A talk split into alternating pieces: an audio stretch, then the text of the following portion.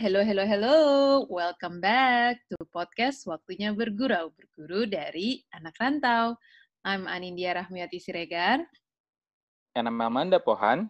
Will be your host for this podcast.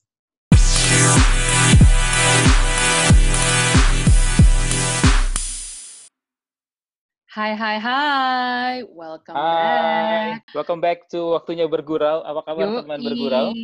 Baik dong pastinya. Alhamdulillah. Semoga semuanya sehat. Kami berdua juga sehat. Alhamdulillah ya guys. Alhamdulillah. Betul. Kembali lagi kita di episode terbaru dari podcast Waktunya Bergurau. Nggak terasa ya, nanti kita sudah sampai di beberapa episode ini yang luar Betul. biasa. Luar Dan, biasa. kami juga mengucapkan terima kasih ya untuk teman bergurau yang sudah eh, sen- terus senantiasa mendengar podcast kita, Nat. Dan ditambah Yoi. sama pesan dan eh, kritik sarannya yang sudah masuk di DM Instagram kita ya di @podcast waktunya bergurau. Terima kasih semuanya atas feedback yang diberikan. Ya, betul sekali. Dan jangan lupa kita juga sudah hadir loh di YouTube channel. Jadi teman-teman Yes. bergurau yang mungkin em, apa namanya keluarganya ada yang belum punya akses ke Spotify, hmm, kalian juga bisa cek kita eh, di YouTube podcast waktunya bergurau. Yes. Langsung aja kalau gitu di search, lalu di subscribe ya Nat ya. Dan like, jangan lupa.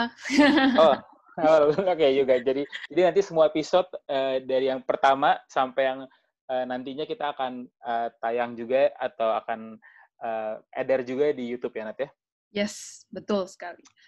Oke, Oke. episode kali ini kita bakal ngebahas tentang perjuangan seorang manusia. Wah, gue lebay banget ya. Tapi em, jujur sih, gue ketika em, lihat profilnya benar-benar eh, menurut gue ini harus banget nih kita undang di podcast Waktunya Bergurau karena akan ngebahas tentang kegagalan, keterbatasan, tapi dari kegagalan keterbatasan tetap dia tuh semangat dan berjuang sampai akhirnya dia mencapai cita-citanya bahkan dia sudah menempuh S2 dan juga S3 Uh, wow, luar gue biasa sih nggak ya sabar sih. Gue sih nggak sabar untuk ngobrol sama bintang tamu kita hari ini Nat.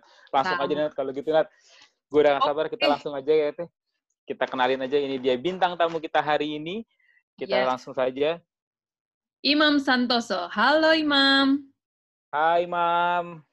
Halo, apa kabar kalian? Baik? terima kasih ya Mas Imam Hai waktunya hai. Sama-sama, sama-sama. Terima kasih mau diundang di sini.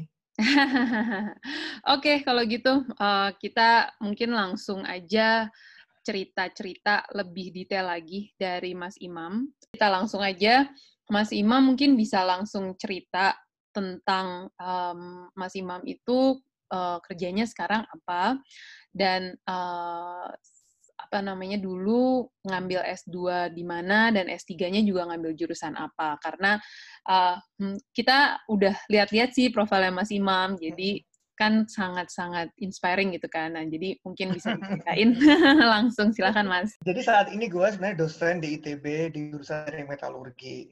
Mhm. Gue lulus eh, tahun dua lulus S1 ya, tahun 2008. Dan gue anak desa sebenarnya, Mbak. Eh, biasalah anak desa gitu kan, pengen sekolah Hmm. tinggi. Dan Hmm. setelah gue lulus dari ITB, ya gue pengen eh, sekolah terus gitu kan. Hmm. Habis itu gua waktu itu bahasa Inggris pas-pasan, biasanya anak desa kan. Kalau anak Jakarta kan bahasa Inggris jago-jago, misalkan masuk ITB dulu kan kelasnya yang kelas ini, kelas presentasi kan. Kalau aku kelasnya Iya. kelas yang paling bawah, kelas reading gitu. Hmm. Nah, aku pindah sekolah waktu itu dan alhamdulillah gua eh, tes IELTS, IELTS cuma 5,5. Tapi waktu itu Oh. kan beasiswa dari perusahaan Mm-mm. eh, di Adelaide perusahaannya, ya udah gue S2 di Adelaide waktu Oh. itu, tapi tahun 28 waktu itu ada kris global kan. Mm-mm. Kris Yes, global, Mm-mm. Gue bangkrut. Bayangin dong, gue udah eh, dulu Udah berangkat ke sana tuh? pam- Iya, udah pamit-pamit, udah seneng gitu lah. Dengan segudang harapan lulus gitu kan. Tiba-tiba perusahaan gue Ah. bangkrut. Perusahaan Australia itu bangkrut, kena global financial crisis. Ya udah gue disuruh pulang. Nah, Oh. pulang ke, ke Indonesia kan. Mm-mm. Aduh, Balik ha. Heeh. dan cilakanya pas gue di Adelaide itu selama enam bulan itu, gue tuh eh, kumpulnya dengan orang Jawa, tiap hari ngomong Jawa gitu kan. Jadi pas pulang ke Indonesia, mau apply beasiswa lagi balik ke Australia, aku waktu itu apply namanya ADS, sekarang namanya di Australia World. Tes IELTS bukannya eh, nambah bagus, tapi malah kalau nggak lebih jelek atau gimana ya, waktu itu lima setengah lagi gitu. Jadi Mm-mm. Dan itulah aku banget setelah itu. Aku tes IELTS sampai tujuh kali. Artinya tujuh Wow. kali itu gue tujuh kali gue tuh fail, Mm-mm. kedelapannya baru lulus. Habis itu gue dapat eh, itu AAS beasiswa AAS, aku S2 di Queensland Hmm, selama dua oke. tahun lulus. Ya. Eh, habis itu ketika di Queensland aku ketemu eh, anak Finlandia gitu. Anak Finlandia itu di Queensland dia eh, di kampus aku, di lab aku, terus aku apa ya bantu dia lah gitu. Habis itu terus Mhm. nanya, eh kamu di Finlandia ini nggak mau nggak profesor lu eh, nerima aku S3 gitu kan? Terus oh ada ntar aku tanyain ya. Habis itu eh, aku dikontak dengan profesor profesor dia yang di sana. Jadi once aku lulus dari eh, Queensland S2, Mm-mm. aku langsung sampai LPDP. Nggak tahu, aku yakin aja keterima. Itu keterima aja. Habis itu terus eh ini, ya udah gue di Finlandia di itu di ya di Aalto University S3. Oh, berarti daftarnya S3 tuh pas lagi di S2 gitu? Atau sempat balik Indonesia dulu? Itu eh kontak-kontaknya dengan profesornya ketika S2. Hmm. Tapi aku pulang dulu kan, karena Iya, LPDP itu kan harus wawancara di Indonesia. Jadi waktu itu aku pulang ke Indonesia, Iya. secepatnya daftar, Hmm. eh, empat bulan kemudian aku langsung berangkat. Wow, Wow. Gitu. cepet juga ya. Timingnya pas banget gitu. Iya. Karena, iya gitu. Oke, oke, oke. Berarti em, dari eh, S2 aja sebenarnya udah beasiswa. S1 juga beasiswa atau gimana tuh? Aku, aku anak desa banget ya. Aku kebetulan sejak SMA itu dapat beasiswa. Jadi SMA Wow. aku Hmm. dulu dapat beasiswa. Aku tuh setiap sebulan sekali atau tiga bulan sekali aku lupa itu ke kantor pos ngambil uang sembilan puluh ribu Hmm. atau berapa tiga bulan. Artinya sebulan tiga puluh ribu zaman dulu kan lumayan.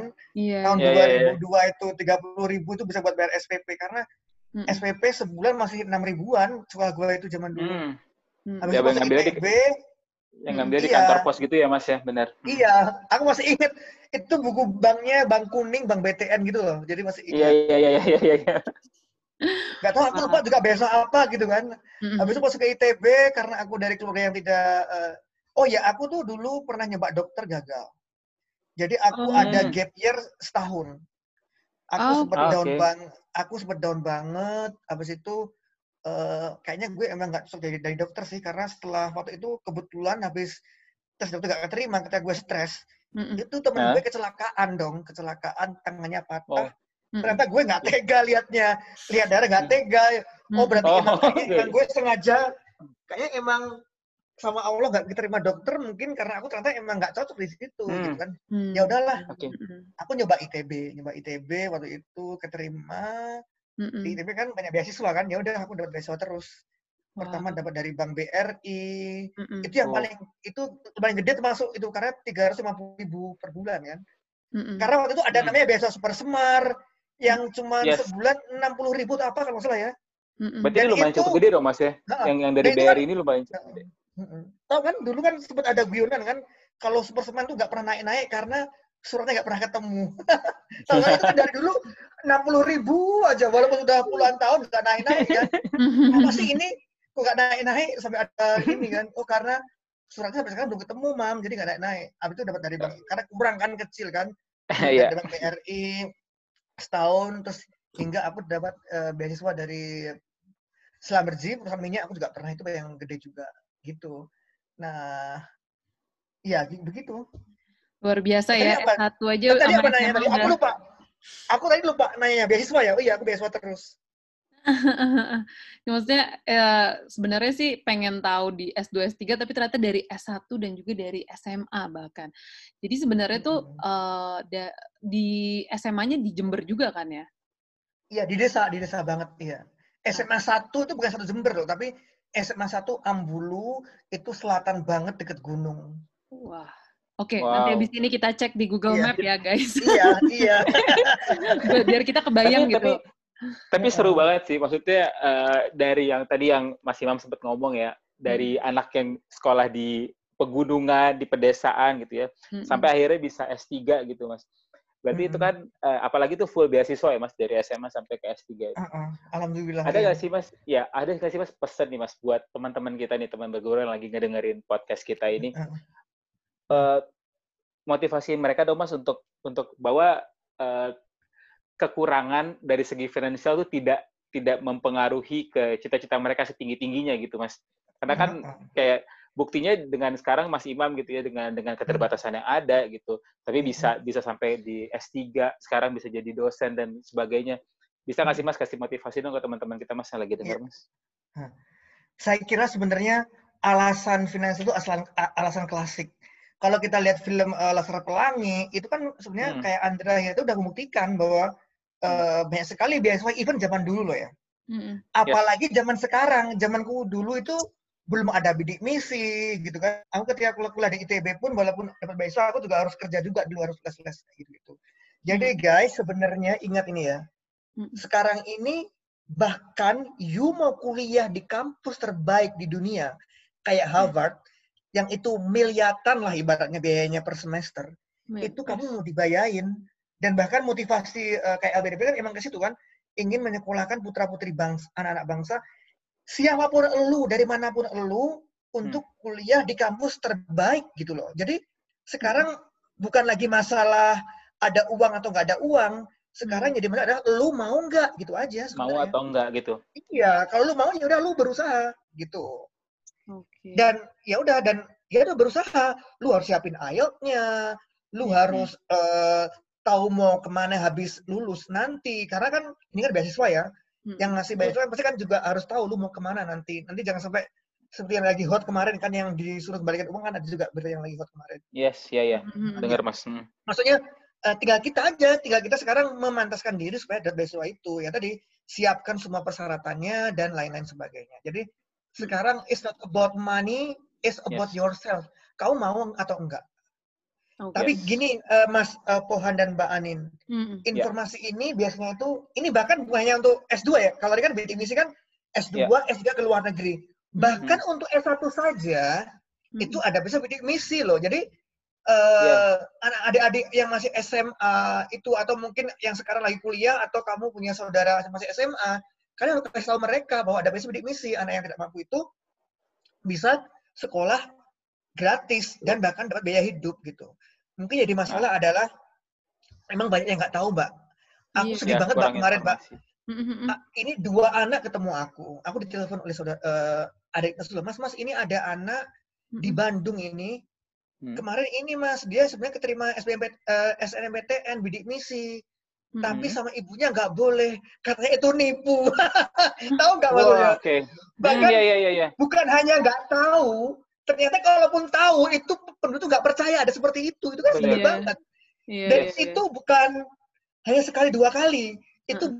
itu banyak, itu, itu banyak mungkin terjadi, Mas. Ya, itu mungkin ibu loh ya, itu mungkin uh, oke okay lah mungkin ibunya anak itu mungkin dia tidak sekolah atau gimana sehingga tidak tahu ya. atau ibu hmm. zaman old dan itu is oke. Okay. Yeah. Tapi ini uh, aku juga ini mas setelah video yang viral itu Hah? ternyata bahkan ada guru yang bilang itu bohong nggak ada besok itu ketika ada anak wow. aku post uh, aku yes. post uh, kisahnya itu anak ini SMK ini luar biasa banget dia gagal SNMPTN milih kedokteran juga di Unpad gagal nggak keterima tapi dia nggak putus asa nih anak hmm. desa hmm. SMK ada dia apa dia ya udah aku ingin sekolah ke luar negeri gitu kan dia nyari-nyari di internet ada tuh di Thailand gitu kan dia hmm. bilang ke gurunya oh itu enggak itu nipu maksudnya kayak gitu kadang-kadang itu malah digituin gitu aku hmm. yeah. sedih banget jadi makanya uh, kenapa kok aku sekarang ini bikin acara motivasi di Instagram juga aku sering hmm. pulang kampung ke desa-desa ya tadi yes. untuk sosialisasi ini mbak untuk selain memotivasi juga mensosialisasikan gitu betul Nah, itu uh, ini langsung nih ya nyambung ke pertanyaan hmm. berikutnya nih. Apalagi kan tadi ada yang bilang sampai nggak percaya apa beneran tuh dibayarin gitu kan? Ya intinya iya, tuh tentang beasiswa sih sendiri gitu kan. Tadi hmm. Mas Imam udah dari SMA, dari S1, S2, S3 gitu. Jadi mungkin bisa diceritain juga nih um, tipsnya buat teman-teman yang lagi nyari beasiswa. Apakah nyari beasiswanya tuh better dari pemerintah atau um, dari negara yang dituju ya? Kayak misalnya tadi yang buat S2 um, Mas Imamnya nyari dari universitinya langsung gitu misalnya kan. Mungkin bisa diceritain tips-tipsnya gitu Mas? Jadi kalau nyari biasa kita emang harus tahu dulu sih kita mau ke depannya mau kena ke mana gitu kan. Mm, kalau misalkan kamu emang mau nggak mau pulang ke Indonesia, ingin kerja di luar negeri dan apa kan kalau bagi saya sih yang penting kita bermanfaat bagi orang kan. entah lu mau berkaya di Indonesia atau di luar negeri itu nggak masalah. Di sana kamu juga bisa berbuat banyak buat katakanlah misalkan aku jadi dosen di Australia, kemudian aku merekrut banyak anak Indonesia, sekolah kan bisa aja kan. Iya. Tapi kalau misalkan kamu emang tidak mau pulang ke Indonesia ya kamu coba cari uh, beasiswa yang kayak gitu skemanya. Banyak sekali, misalkan uh, Erasmus Mundus ke Eropa, Betul. ada Chevening juga atau bahkan langsung googling, cari profesor atau cari research center di kampus itu langsung daftar. Itu banyak Oke. sekali. Oke. Jadi kalau memang kamu tujuannya emang ke situ ya udah apply yang itu. Ya. Tapi misalkan kalau nanti kamu ingin kembali ke Indonesia, nah ini banyak sekali beasiswanya. Hmm. LPDP tadi itu ribuan. Jadi Ya. tipsnya Mm-mm. pertama kita harus tahu dulu ke mana kita mau mengarah. Betul. Oke. Kalau udah jelas, eh, ke- misalnya mau ke Bali nih, ya udah pilih Hmm. LPDP. Nah kalau Ya. aku ditanya tentang tipnya LPDP karena harus kembali, Hmm. ya kita harus eh, apa ya membuktikan bahwa kita tuh emang apa ya Berkontribusi gitu kita ya. iya nanti kita berkontribusi Mm-mm. track track record kita udah bagus maksudnya kita oh aku udah bikin ini loh aku tuh juga selama ini aktif di kegiatan ke- di masyarakat aku bikin ini dan aku di sini sudah punya lembaga di Indonesia bahwa aku nanti kalau ke Bali gak nganggur kayak gitu jadi Betul. eh, tipsnya ya kita harus siap untuk kembali ke Indonesia Mm-mm. dan harus siap menjawab semua pertanyaan dari pemberi eh, beasiswa tentang nasionalisme, Mm. eh, jiwa eh, jiwa sosial, jiwa sosial, Ya. leadership, eh, kemudian entrepreneurship, kegigihan gitu kan? Karena kan kamu juga harus gigih karena di luar negeri itu eh, kamu harus sebenarnya struggle di sana. Kamu Mm. jadi keluar kayak gitu. Jadi kita harus siapkan tadi banyak hal dari aspek banyak sekali ya Ya. kepemimpinan. Saya ulangi lagi sampai tadi kegigihan Betul. itu. Tapi kan berarti Kalau- S3 ya, Mas, kalau- untuk LPDP ya? S2 dan S3. Oh, S2 dan S3 bahkan? Heeh. Oh, wow. Di sini aku tidak berbicara tentang IELTS IP ya, itu kan udah wajib ya kayak IELTS-nya harus enam setengah dan IP-nya ada tiga tuh eh, itu Iya. udah tidak perlu dibahas lagi itu adalah Betul, betul. betul. sudah Itu standar lah ya, requirement iya standar standar lah ya. Ah, harus standar lah ya itu. Ya, ya, ya, ya. Oke. Wah. S2 S3 Mbak, S2 S3 Mbak. Aku pikir yang S2 tuh dari uh, universitinya, ternyata dari LPDP juga ya. Oh, aku, aku. Heeh. Kalau aku enggak, kalau aku dari Australian Award, dari pemerintah Australia. Oh, dari oh ya, heeh, S2-nya dari Heeh. perusahaan Australia kan ya. Eh, S2 pertama dari perusahaan Australia, S2 yang kedua ketika di Queensland aku dapat Australian Award. Ah, oke. Australian Mm-mm. Award itu dari pemerintah Australia. Betul. Heeh. Oke. Wow. I- Itu sangat itu sangat kompetitif. Itu seperti Amerikanya Fulbright Aminef. Ya, ya, Kalau ya. di betul. Australia namanya Australian Award. Ya. Nah, ini dia nih teman-teman bergurau. Kita udah dapat ilmu kan baru berapa menit. Jadi intinya eh, bisa dari pemerintah di em, negara yang kamu tuju, sama yang Mm-mm. kedua ya dari pemerintah Indonesia. Tapi memang kamu harus berkontribusi, kamu akan kembali gitu ke Indonesia. Itu sih. Jadi tujuannya tergantung kepada di kalian lagi, gitu sih. Oke, Heeh. Jadi intinya gini, Eh, dari eh, Instagramnya Mas Imam Santoso kita ngelihat ada beberapa postingan yang membahas tentang kegagalan gitu. Apalagi kan kemarin Mm-mm. baru ada pengumuman SNMPTN gitu kan. Terus Mm-mm. em, apa jadi dan dan dari Mas Imam pun eh, kayak tadi kan ngebahas juga eh, IELTS sampai tujuh kali. Terus udah gitu Mm-mm. eh, apa namanya ya beasiswa-beasiswa juga kan nggak langsung dapet kan. Pasti ada banyak Iya. yang didaftarin gitu sebenarnya dari Mas Imam juga. gitu. Nggak langsung sekali langsung dapet. Mm-mm. Mungkin bisa diceritain gitu ke teman-teman tentang kata gagal ini gitu. Jadi uh, gimana sih caranya biar berdamai dengan kata gagal ini? Jadi gimana caranya supaya uh, orang-orang yang udah mengalami kegagalan lagi putus asa tapi mereka tuh bangkit lagi gitu sih. Mungkin bisa diceritain.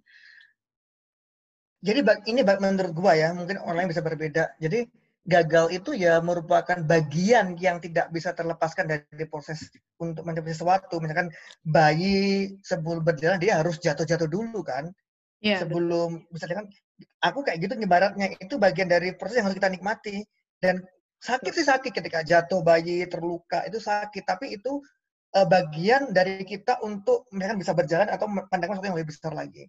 Jadi aku selalu kayak gitu, eh, positive thinking gitu. Nggak apa ini gagal juga aku pasti nanti lebih kuat dan ini yang terpenting aku bisa bercerita buat orang lain.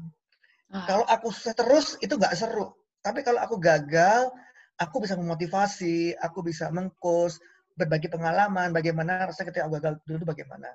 Jadi ketika aku gagal, aku nggak menyerah, tetap positive thinking, memperbaiki lagi dulu kenapa aku gagal. Contohnya ketika aku gagal, misalkan aku aku ketika daftar tadi Australian Award uh, hmm. untuk Australia, itu kan aku kedua kali baru berhasil. Yang pertama aku gagal, oh, tapi aku okay. belajar dari kegagalan itu dan aku tidak langsung ya udahlah aku gagal, aku nggak mau lagi, tapi aku nyoba lagi. Ya udah, okay. aku belajar dari kegagalan. Dulu emang aku kayaknya kurang persiapan, aku kurang serius, aku hmm. tidak punya banyak, tidak bawa evidence untuk yang aku tujukan kepada pewawancara. Jadi ketika yeah. aku wawancara kedua, aku harus mempersiapkan lebih lebih uh, siap lagi. Hmm. Dan itu masih satu kali gagal gue. Bayangin mbak tes ayat Hmm. tujuh kali zaman hmm. dulu itu bayarnya tuh 200 sekian Australian dollar. Itu iya. katakanlah hampir hampir 3 juta lah. Wow. Dulu tuh. Tiga kali tujuh zaman dulu kan kalau aku itu udah tidak punya jiwa yang uh, kuat, itu udah gue udah inilah nyerah lah ya. Mm -hmm. Tapi kan tidak, aku emang ini pasti ada hikmahnya ini. Ini karena aku bikin banget ke sekolah ke luar negeri gitu. Mm -hmm. Kan Gak, gak mungkin dong keluar negeri pakai bahasa Jawa atau bahasa Sunda. Jadi harus bahasa Inggrisnya harus lulus dulu. Jadi yeah. gue berjuang, berjuang, berjuang, nggak nyerah artinya berhasil. Jadi emang kalau tadi ditanya bagaimana cara berdamai dengan kegagalan ya, kegagalan itu bagian dari proses untuk berhasil. Saya kira tidak ada orang yang tidak pernah gagal. Saya kira ya. Ya, betul. Okay. Kita makan kita makan aja kadang tersedak, kita jalan kadang tersandung, gitu gitu-gitu. Betul, betul.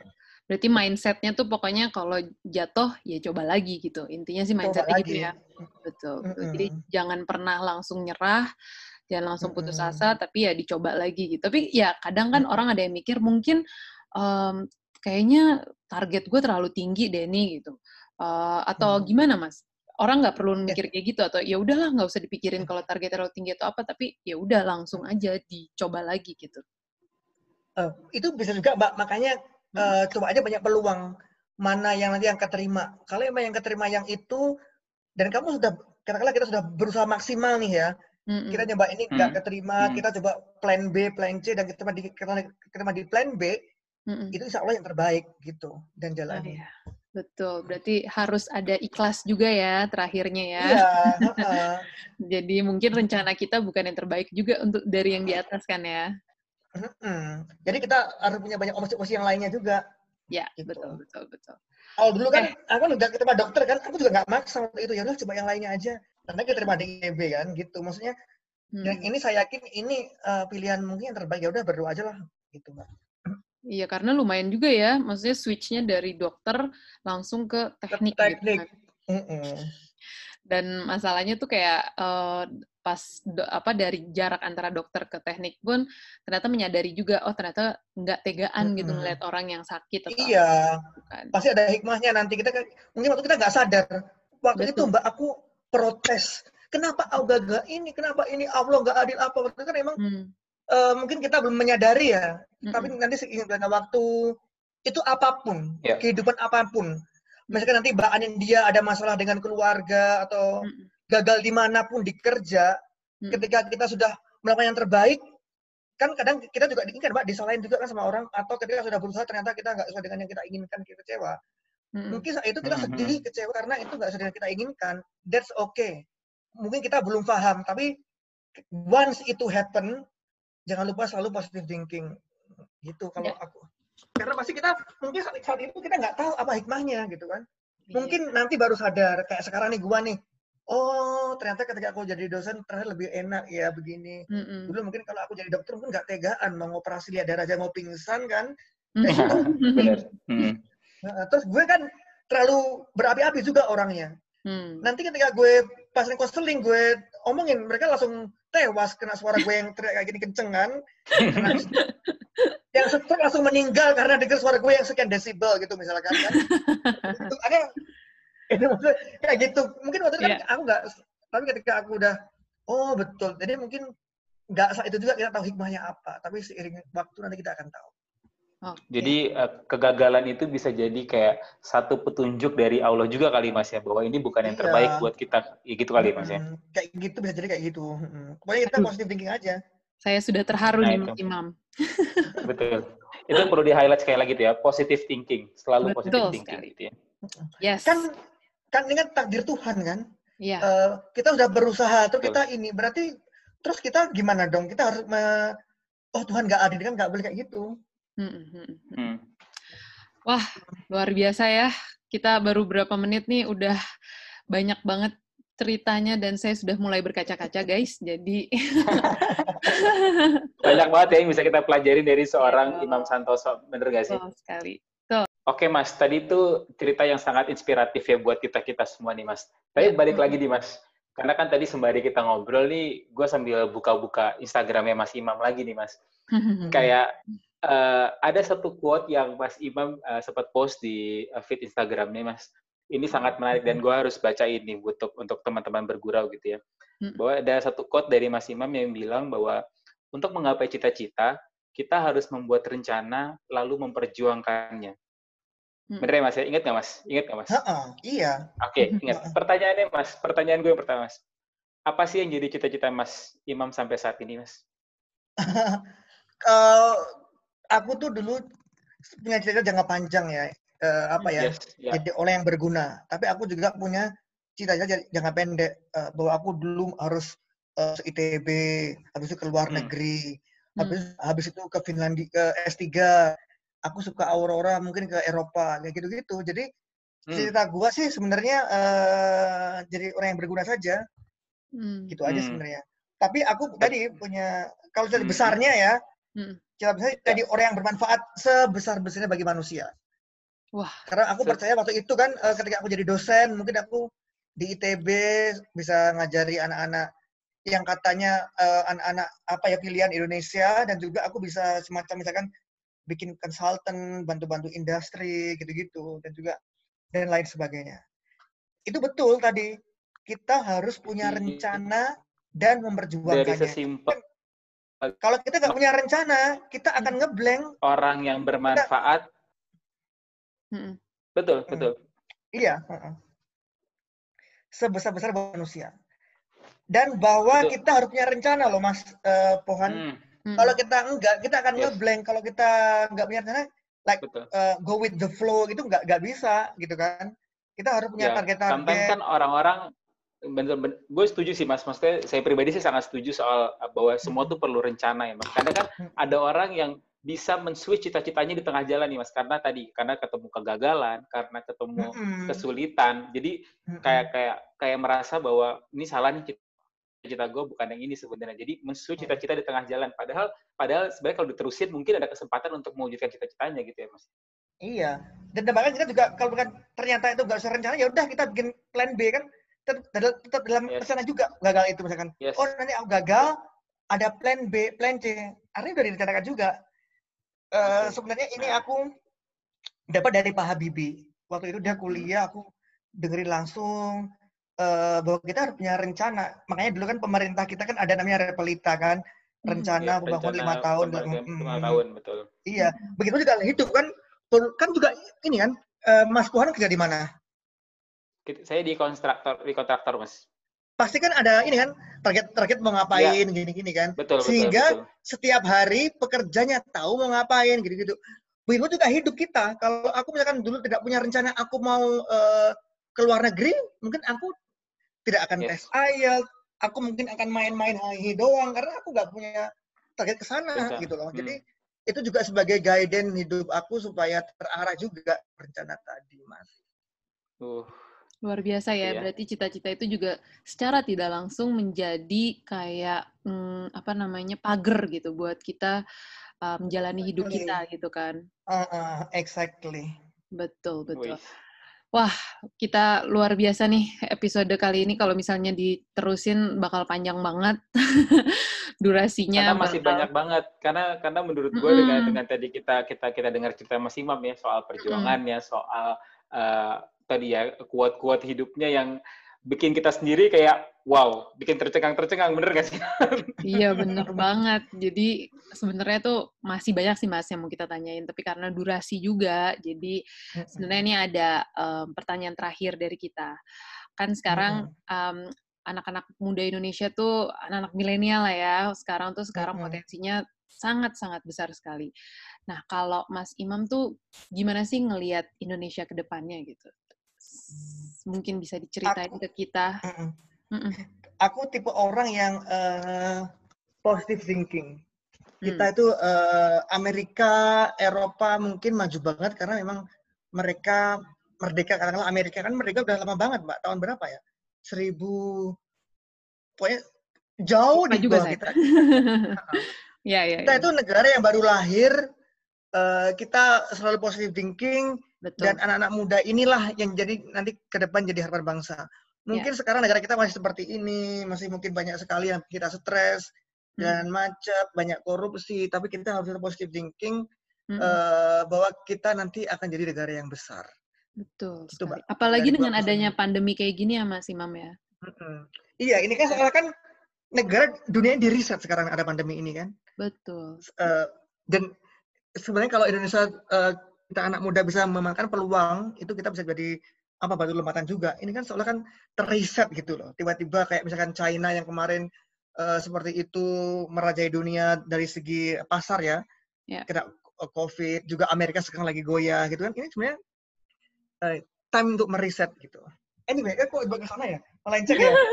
Gak apa-apa, tapi itu justru yang kita juga pengen dengar sih gitu. Karena jujur kan hmm. pasti, de, apalagi dengan kita misalnya teman-teman bergurau yang lagi kepikiran mau uh, berangkat ke luar negeri, dengan kondisi hmm. pandemi ini kan pasti akan jadi sedikit ada resiko lah ya, kayak gitu. Hmm. Tapi ternyata ya mungkin kalau aku bisa bilang ya kita positive thinking aja sebenarnya gitu. Hmm. Dan kita harus optimis itu aja mbak. Betul. Kita wow. bisa kan dari negara yang besar ke depannya. Ya. Siap. Itu tadi ya, tadi perlu di-highlight sekali lagi tuh jawaban Mas Imam yang setiap jawabannya pasti kita ada highlight masing-masing ya nanti. Betul sekali. Oke Mas Imam, terima kasih Mas Imam sekali lagi Mas Imam atas waktunya. Sama-sama. Terima kasih. Aku yang aku yang terima kasih. Semoga bermanfaat ya. Tadi bualan-bualan pasti, pasti pasti bermanfaat untuk teman bergurau yang lagi dengerin kita Mas. Ya. Pokoknya terima kasih Mas Imam atas sharing dan ngobrol-ngobrolnya untuk uh, yang luar biasa malam hari ini. Boleh nggak sih Mas saya tutup uh, episode kali ini dengan quote dari yang saya ambil lagi dari Instagramnya Mas Imam nih, yang pasti Boleh. teman bergurau harus tahu dan harus dengar ini. Jadi di Mas Imam pernah berkata di uh, Instagramnya bahwa ada kalanya nanti kamu akan berterima kasih atas kegagalan hari ini. Mungkin sekarang masih belum tahu apa hikmahnya, tapi esok lusa kamu akan paham. Wah, Terima Luar kasih biasa. sekali lagi Mas Imam waktunya sekali lagi terima kasih. Terima kasih Mas Imam. Sama-sama Mbak Anindya dan eh Mas Pohan. Ya. Terima kasih juga Mas Imam. Sama-sama. Pokoknya banyak pasti hal positif yang sudah dibagikan hari ini oleh Mas Imam untuk teman-teman bergurau. Sukses selalu Mas, sehat-sehat ya, dan terus ya. kalian juga terus, ya. Uh, ya. Terus terus berjalan dengan cita-cita menjadi orang yang bermanfaat bagi dunia ini ya Mas ya. Amin. Terima kasih. Oke teman bergurau, um, sekarang kita udah dengerin episode yang luar biasa ini. Terima kasih teman-teman buat semua saran, kritik, masukan, dan request ke uh, Instagram kita. Buat teman-teman yang mau uh, cerita lagi atau mau tahu tentang university tertentu atau negara tertentu, langsung aja DM kita di at podcast yes. waktunya bergurau. Yes. Dan jangan lupa ya Nat ya, dan jangan lupa juga dengar semua episode-episode kita dari podcast Waktunya Bergurau bisa dengar di eh, Spotify, di Apple Music, dan juga ada di YouTube sekarang ya, Nat ya? Iya, betul sekali. Oke, okay, okay. kalau gitu. Thank you for listening. See you next episode. Hanindia Siregar. Pohan. Jangan lupa dengerin terus our podcast Waktunya Bergurau, berguru dari anak rantau. Stay healthy, Stay healthy guys. Bye-bye. Bye.